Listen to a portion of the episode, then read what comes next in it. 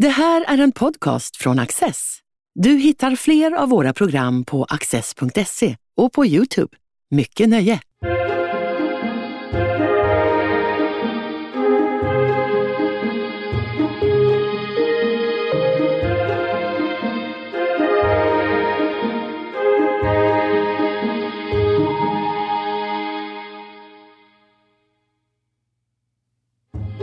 Ivar Fasing är forskare och kommissarie vid Polishögskolan i Norge. Han har disputerat på psykologiska institutionen vid Göteborgs universitet och har bland annat fokuserat på hur individuella och organisatoriska faktorer påverkar kvaliteten på polisarbetet. Hur skapas egentligen en mästerdetektiv? Ivar Fasing, välkommen hit. Hjärtligt tack. Du är här för att prata om din avhandling som inleds med Sherlock Holmes-citatet “There is nothing more deceptive than an obvious fact”. Er han et bra eksempel på en mesterdetektiv? Ja, det syns jeg absolutt. Det er vel få faktiske detektiver som kan komme nær Sherlock Holmes ekspertise. Både i hva han faktisk kan om verden, men også i måten han bruker den kunnskapen på. Vilka egenskaper er det da som er viktige å ha? Først og fremst så virker det som om Sherlock Holmes har en overlegen kontroll over sin egen måte å fatte beslutninger på. På toppen av det hele så har han en inngående kjennskap i alle kunnskapsområder som ligger bak det han skal utrede, som er eksepsjonell. Og egentlig kanskje da er beyond this world, på en måte. Men han er et veldig godt eksempel også for eh, praktikere i dag, tenker jeg. Om man inte är Sherlock Holmes med den höga IQ och höga allmänbildningen som han har, hvordan hur går man tillväga vid en förundersökning? Hur ser den formella ordningen ut när man startar en undersökning? Vel, de fleste land i verden så kreves det jo en årsak. Altså en grunn til å undersøke det her, som skal på en eller annen grunn formaliseres. Noe man finner mistenkelig. Og det må kunne tydeliggjøres på hva det var en, en, klar, en klar, mistanke. Uh, og så jo, stiger graden av denne mistanken eh, i takt med hvor inngripende politiet ønsker å etterforske.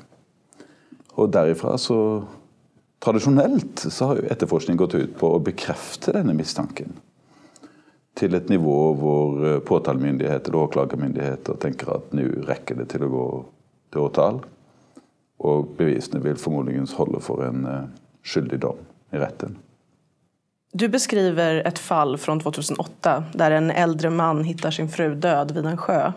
Og mannen mistenkes først for mordet og etter en lengre tid så viser det seg at det er en elg som har sparket i hjel kvinnen, og ikke mannen som har mördat henne. Um, han får egentlig ingen riktig unnskyldning for det her, utan polisen sier at man har acted by the book. Eh, och för den som läser det här så framstår det lite som att det är uppenbart att polisarbetet inte sköts ordentligt. Men hur kunde det här hända? Ja, jag brukar det exemplet i min eh, doktorsavhandling fordi jeg tenker at det kunne hende når som helst, faktisk. Eh, og det er skremmende. Og for de fleste som står utenfra, så tenker jeg kanskje at Ingemar Westerlunds eksempel kanskje ikke er så ille. Han må liksom finne seg i å være under utredning når hans fru er borte. Han får akseptere at det kanskje tar eh, lang tid. Politiet skal gjøre en grundig jobb innen man konkluderer. Men for Ingvar Westerlund, som har mistet sin kjæreste, og vet han er uskyldig og trenger støtte, trenger omsorg, trenger svar, så var det verste samfunnet ga ham, var å sette ham inn under mistanke på svært sviktende grunnlag. Eh, og på toppen av det hele ikke engang ha si, mot nok til å gi ham en riktig unnskyldning. For å förtydliga det her fallet, så det som hände var att man hittade någon typ av spår efter våld på kvinnans kropp. Man hittade också saliv och djurhår. Och på något sätt så drog polisen i första skedet slutsatsen att eh, Eh, den här mannen då hade mördat sin fru med en gräsklippare. Man hittar ingen DNA-bevisning på gräsklipparen, inget blod eller någonting. Og och ändå fortsätter man med just den här teorin. Hur kommer det sig att, Att man inte gick på ett, något annat spår? Var det rimligt att fortsätta driva åt just det hållet? Jeg tror det er viktig å forstå det, det presset som oppstår på politiet når de står der med det de tenker er et mord. Du må komme med et svar. Samfunnet Det, det er ikke et sykkeltyveri, det er et mord på en respektabel eh, kvinne. Det er politiets ansvar rett og slett simpelthen å bare finne morderen. Det oppstår da en, et uuttalt press som virker både innover og utover på dem. Dette kombinert med at noen mente at Ingemar i dette tilfellet Vesterlund hadde en irrasjonell eh, atferd. Um, han fortalte nemlig til ambulansemannskapene at det var ingen poeng å fortsette med gjennomlivning. Han hadde jo en forsvarsbakgrunn og visste dette. Han, han, han hadde selv forsøkt munn til munn og, og, og kjente det var ingen reaksjon. Hans kone er død. Han visste det. Så enhver enhver fortsetning med henne ble jo sett på som et slags nytt overgrep med den kroppen som han var så glad i. Og han ble litt aggressiv. La, låt henne bli. Eh, men det er klart, for dem som kommer dit, så har jo ikke de den historikken i hodet. De har jo ikke forsøkt innen. Men han har jo det. Han har gitt opp. Eh, og mens han, hans småaggresjon og frustrasjon der da blir jo sett på som irrasjonell. Um, og så var det jo ingen åpenbare alternativer. Hvem andre kan ha gjort dette? Det, liksom, det var ingen smoking gun, liksom. Så det gjorde at noen i politiet begynte å stille spørsmål. Og da begynner man jo å vende på selv helt åpenbare, underlige saker. Så tok man jo da med seg en sånn type det som heter bluestar, eller luminol, som er en stykke kjemikalie. Eh, for man tenkte jo kanskje at disse skadene på denne kroppen her konklusjonen fra rettsmedisineren på plass var at det her så mekanisk ut. Og Ingbert Westerlunds første forklaring til politiet, og også hans siste forklaring, var at det han gjorde mens hans fru var ute på promenad, var å klippe plenen med sin traktorstiga gressklipper, som er ganske stor og kraftig. Så de tenkte aha, altså han har rett og slett kjørt over henne og tatt livet av henne med, med, med, med bruk av denne gressklipperen. Så de gikk opp da og testet den for blod. Og Da bruker man et kjemikalie som man sprøyter på for å se om det kommer en indikasjon. Og det gjorde det. Men når man har en åkgräsklippare, om det er blod på den, er det ikke like trolig at man har kjørt over en masse smådjur og alt mulig? At det kan være det? Men det antar jeg at man testet da? Som jeg sa innledningsvis, tradisjonelt så vil politiet søke bekreftelse. Og det gjorde man. Man tenkte her er det blod, han oppfører seg underlig. Vi har et lik. Vi har en mistenkt. Ja, Og så ble det som det ble. Det kom jo ikke opp noen nye hypoteser. Det var jo ting som Ingmar hadde forklart politiet hele tiden, som ble overhørt. Som var helt sentralt. Nemlig at han, når han kom ned til dette vannet hvor hans fru ble funnet død, så sier han at han hørte et stort plask. Altså at noen ting altså Det var noen som kastet ut en båt, og så kom det lyder som om noen padlet bort derifra. Altså bevegelser i vannet over tid som gikk fra stedet. I ettertid så viser det seg at det mest sannsynlig har vært denne store elgen som da har eh, flyktet. Da. Og at det var denne lille hunden, altså denne valpen som de hadde fått seg inn, rett innan dette, som hadde da vært så leken at den hadde klart å terge opp denne elgen til et nivå hvor den ble så aggressiv. Og så har sikkert matmor da tenkt at hun vil beskytte denne lille valpen med sitt liv, og holdt den i sine armer mens elgen kommer for å ta den. Og da blir et menneske liten og kraften stor. og så har hun mistet fotfestet, ramlet ned og blitt trampet på av en 500-600 kilo elg eh, som får all kraft gjennom forklovene. Og da blir det et dødelig vold. Men det har jo aldri Man skal jo også si Man kan jo fort tenke at svensk politi er elendige. Jeg, tror, jeg, bruker dette eksempelet for jeg tror det kan hende hvor som helst. Eh, og man må være forberedt på saker som sjelden eller aldri hender. Satt på spissen så, altså det, jeg, jeg vet jo aldri hørt om en tidligere episode i Europa hvor et menneske har blitt drept av elg. Så sånn sett så, så, kan man ikke forvente heller at dette ligger så veldig langt fremme i hodet på en gjennomsnittlig svensk polis. Om vi lämnar det specifika fallet och tittar istället på din forskning. Eh, du har, det är just psykologi kring brottsutredningar och du har disputerat vid Göteborgs universitet. Hur blev det just den platsen och det här ämnet? Når jeg tenkte at jeg skulle gjøre en doktorgrad, så er det viktig at jeg går inn i et spørsmål som er intimt for politiet. Forskere som ikke har en profesjonell bakgrunn som mangeårig mordutreder, vil jo aldri slippe til med en empirisk spørsmål om hvor en detektiv fatter sine beslut. Det, det, det, blir rett og slett within the family. Men jeg ville slippe til å få deltakere i sånne studier. Og da tenkte jeg at man må ha de aller beste samarbeidspartnerne i verden. Og da er vi jo ekstremt heldige i Norden som har uh, forskergruppen for rettspsykologi i Gøteborg. Altså den vil jeg påstå innenfor mange områder er absolutt det beste forskningsmiljøet i verden. Det er kanskje ikke alle svensker som vet det, men uh, innen en rekke sentrale områder uh, for rettspsykologi så er nettopp Göteborgs universitet et sted folk reiser fra hele kloden. For meg så var det ikke så langt å reise, så det er også kulturelt trygt og godt å, å kunne være i, i, den herlige staden Göteborg og, og, samarbeide med verdens beste forskere på dette. Og helt konkret så er mine to håndledere, Per Anders Granhag og Karl Ask, nå begge professorer der. Det er for det første to helt fantastiske personer, eh, men også verdens ledende forskere på dette. Så Hvorfor gå lenger? Og emnet var selvklart for at du selv er polis?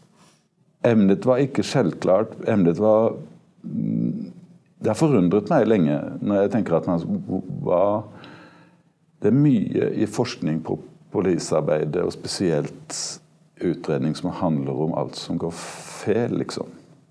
Og også den saken vi har snakket om her med Inger Vesselund, handler jo for så vidt om det. Så kan man da fortsette å finne problemer. Mm. Og Mye av forskningen tidligere på rettspsykologi innom besluttsfatterne handler jo om ting som gjør at det går enda mer til helvete. Altså tidspress, effektivitetsjag, eh, oppklaringssifror, eh, high overconfidence i poliskåren og den type saker.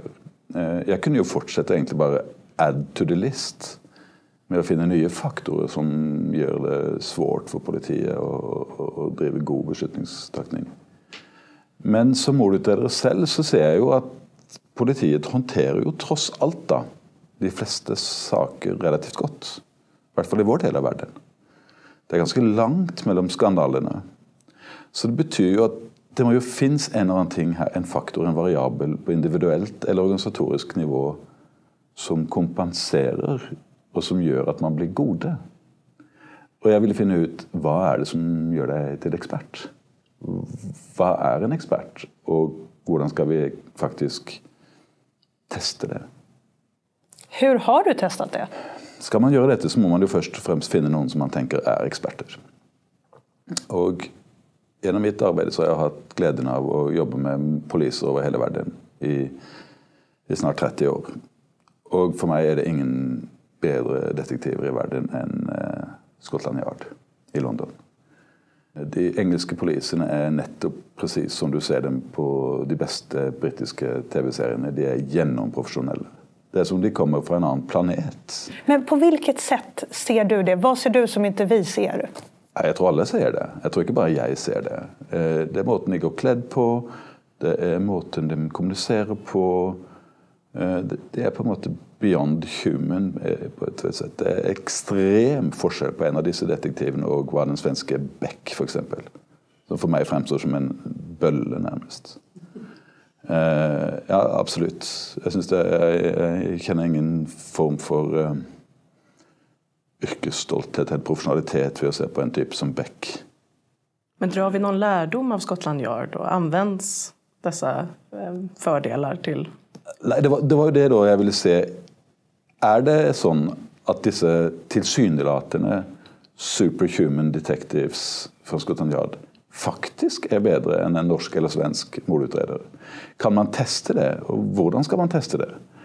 Hva er det riktige testet? Eh, og hvor mange behøver man? Hvordan gjør man det? Så hva gjorde du? Ja, det, det jeg gjorde da, det Skal man gjøre dette, så må man jo først og fremst få aksept organisatorisk. Så jeg måtte ta på meg min beste kostym og invitere meg selv til de øverste etasjene i Scotland Yard og snakke med the commander of serious crime. Og han har mange sekretærer, altså. Eh, så å komme inn dit var en tøff eh, jobb i seg selv. Men dette var ikke så veldig lenge etter Madeleine McCann-etterforskningen i Portugal, hvor en um, ung britisk jente, eller skotsk opprinnelig, forsvant, og hennes foreldre, to um, leger, et ektepar, ble mistenkt for dette. Og ble faktisk også arrestert i Portugal. Og dette førte jo til at engelsk politi grep inn der og avslørte det som var relativt elendig detektivarbeid et annet sted i Den europeiske unionen, i, i EU. Eh, så min strategi til denne kommanderen var å si skulle jo være kult om vi kunne tenke fremover at man fantes en akkreditering globalt for special detectives. Så når du kommuniserer med en som kaller seg mordutreder i Portugal, i Norge, eller i Hongkong, eller i Sydney, eller i Bangkok, så forstår du at det fins omtrent samme kompetens på andre siden av luren som hos deg selv. Omtrent som man tenker om en lege eller en pilot. Eh, så vil vi håpe at Gir man en lege de riktige, de samme symptomene i Bangkok og i Stockholm, så kommer man opp med omtrent de samme foreslåtte diagnoser. Sånn, Det ble en veldig intriguing tanke for ham. Han sier ja, det, det ville være helt fantastisk om vi kunne få det til. Å få en sånn type global standard for investigations. Så da sier han OK, du skal få lov til å gjøre dette. Eh, så da gikk jeg Eh, inn i litteraturen og tenkte hvordan tester man da besluttsfatterne? Og da kan man si at Om man ser tilbake i menneskets historie, så har man jo på en måte stort sett alltid trodd, helt siden Aristoteles, at vi er at mennesket skiller seg liksom fra dyrene ved at vi er rasjonelle. Det er liksom bare spørsmål om hvor rasjonelle, hvor går grensen for menneskelig rasjonalitet? Man liksom bare tenkt at det er nesten uendelig, bare man får gode nok skoler, øh, finner den rette personen, god ledning, øh, så er det på en måte ingen begrensninger. Uh, så var det sett gjennom den såkalte behaviorismen. Betinget læring. Om man bare gjør det her riktig nok, så blir man bare bedre og bedre. Det var tenkningen helt frem til en nobelprisvinnende forsker fra USA kalt Herbert Simon. Egentlig en forsker i økonomi.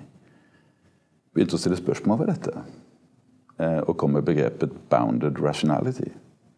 Er det faktisk sånn at vi fatter optimale beslutt?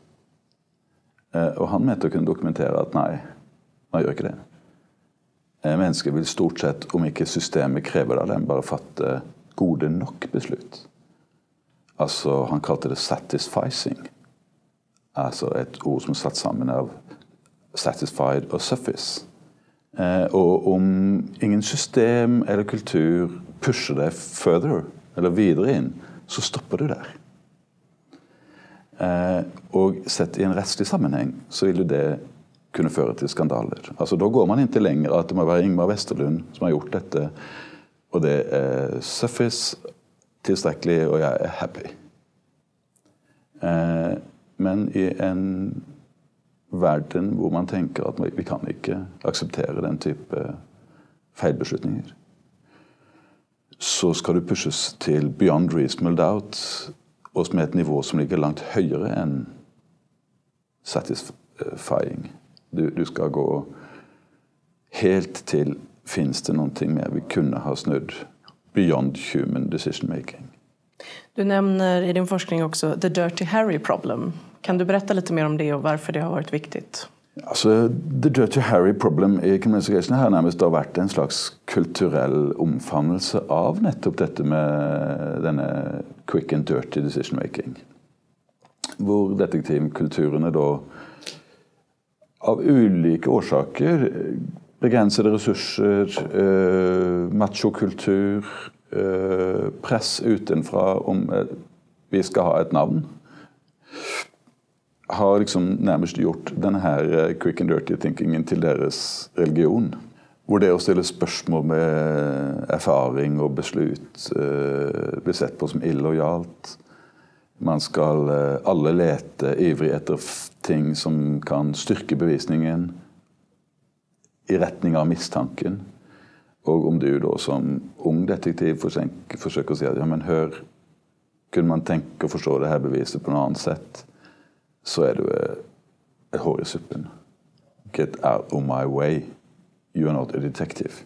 Og man også tenker seg i det så ligger det også en slags underforstått tillatelse til å bruke dirty tricks. Om bevisene ikke fins, så skaper vi dem. Altså, ikke, ikke, ikke ekstremt Man driver ikke nødvendigvis med aktiv produksjon, men man kan drive med noe tailoring of evidence. Altså hold kjeft om det som ikke passer og bruk det som passer. Jeg har selv oppdratt som ung detektiv i en sånn type kultur. Og kjente det var sterkt ubekvemt. Så Derfor så gikk jeg da tilbake til forskningen så tenkte ok, hvordan vil jeg teste eh, en god detektiv? Og igjen inspirert av som jeg sagt, tidligere forskning eh, fra Universitetet i Gøteborg, som har gjort ekstremt interessante eksperimenter på detektiver. Problemet med den forskningen var at de brukte en slags guilty scale. Altså man leser en enkett eller en, en case, og så sier man hvor skyldig tror du vedkommende er på en skala fra null til ni, liksom? Og så legger man inn en ny bevisning, og så skal forhåpentligvis den skyldskalaen gå ned, for her kommer det et bevis som ikke samstemmer med den tidligere casen. Det er veldig spennende forskning og har satt meg på tanken av om hvordan man kan gjøre dette. Men for en riktig detektiv så tenker man bare da innom det her ene forståelsen, innen den ene hypotesen. Jeg tenker at en god detektiv skulle komme opp med OK, om det ikke er det her, om det ikke er Ingmar Westerlund, hva er det da? Så En god detektiv skal komme opp med alternative strategier. Så hva kan dette være? En what? Next hvorfor det? Hva er det i sporene som skulle tenkes å understøtte alternative forklaringer som enten er her, som vi ser nå, eller som burde være her, altså saknes, dersom det ikke er dette? Så man kan rule out. Men skal man gjøre det, så må man jo da komme opp med alle tenkelige forklaringer.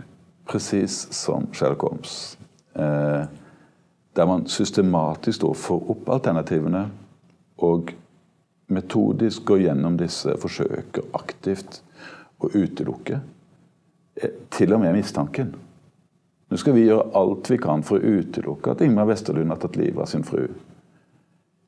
Klarer man ikke det, til tross for at man har gjort alt for å renvaske ham, ja, så vil jo mistanken øke. Hvis man samtidig heller finner ingen annen forklaring. Men da har vi plutselig snudd mindsettet på detektiven til å jobbe enig filosofen Karl Popper. At sikker kunnskap får man kun gjennom forsøk på forkastning.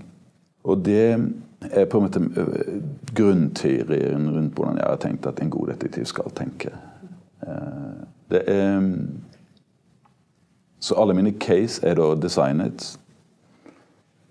Jeg lager da eksperimenter hvor du skal lese det her caset. Du skal se for deg at du eh, leder denne utredningen. Du har et tidspress. Man setter sted og tid og ressurser. Nå skal du fortelle meg alle muligheter du står overfor her. Ikke hvem som er the prime suspect. Ikke hva du tror mest sannsynlig har hendt. Men hva er dine muligheter? What's your alternatives? Det er spørsmål nummer én. Spørsmål nummer to er hvordan har du tenkt å teste dem? Hvilke åtgjerder eller investigative actions vil du iverksette for å teste dine alternative hypoteser? Du skriver om kognitiva scheman också, där som man som utredare kan drabbas av når man er van at en viss situation automatisk leder til et visst svar. Vill du utvikle det här med kognitiva scheman lite og knyta ihop det med hur det blir et problem i mordutredningar? Ja, dette med kognitive skjema er jo noen ting som vi har veldig stor nytte av i hverdagen.